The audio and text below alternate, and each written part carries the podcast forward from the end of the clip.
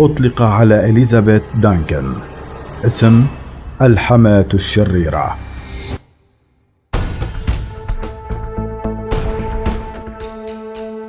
القاتلة الشريرة. استأجرت رجلين لقتل زوجة ابنها الحامل بسبب غيرتها الشديدة منها وهي واحدة من أربعة نساء فقط. تم إعدامهن في غرفة الغاز بكاليفورنيا. في نوفمبر عام 1958 اختفت الشابة أولغا دانكن والتي كانت حاملا وكانت تبلغ من العمر ثلاثين عاما. وصفها الصحفيون بأنها سيدة جذابة. وقد اتجهت الشبهات نحو إليزابيث بعد أن اكتشفت الشرطة أنها حصلت بشكل غير قانوني. على قرار بفسخ عقد الزواج بين ابنها وزوجته أولغا.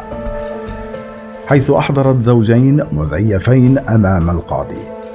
وتظاهرا أنهما ابنها وزوجته. بعد حوالي شهر على اختفاء أولغا عثر المحققون على جثتها في كاسيتاس بولاية كاليفورنيا. وفي النهاية. تم ضبط رجلين هما أغسطس بالدونادو 25 عاما ولويس مويا 22 عاما. اعترفا أنهما قاما بقتلها بعدما أغرتهما حماتها بدفع مبلغ ستة آلاف دولار لتنفيذ عملية القتل. كما اعترفا أيضا أنهما ضربا الضحية بعقب بندقية ثم قاما بدفنها. وقد أثبت الطب الشرعي أنها كانت ما زالت على قيد الحياة عند دفنها. عند استجواب الحماة دانكن قالت إنها ربما تزوجت إحدى عشر مرة لكنها لا تستطيع أن تحصي أزواجها الآخرين وأكدت أن لديها طفلين فقط وهما فرانك وشقيقة أخرى. توفيت في سن الخامسة عشر.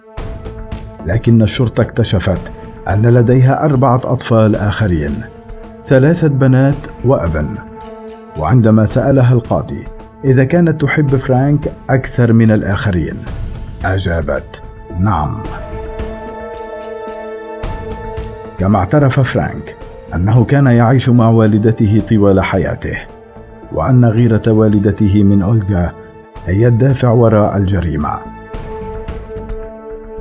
وأشارت صحيفة التايمز حينها إلى وجود علاقة غير طبيعية بين الابن ووالدته.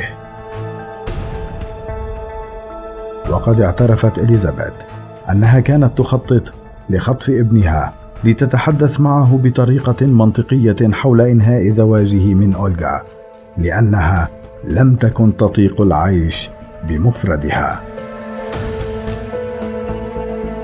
استغرقت هيئة المحلفين أربع ساعات وواحد وخمسين دقيقة فقط لتجد أن الحماة مذنبة وحكم عليها بالإعدام. لكن تم تأجيل تنفيذ الإعدام مرتين حيث استأنف محاموها بحجة أن الرأي العام والدعاية المثيرة للقضية جعلت المحاكمة غير عادلة. وفي عام 1962 رفضت المحكمة الاستماع لاستئناف آخر. وقد كان فرانك دانكن الذي كان يعمل محاميا أيضا قد دافع عن والدته حتى النهاية. وفي وقت إعدامها كان فرانك أمام محكمة الاستئناف الأمريكية في سان فرانسيسكو يحاول تقديم طلب آخر لكنه رفض.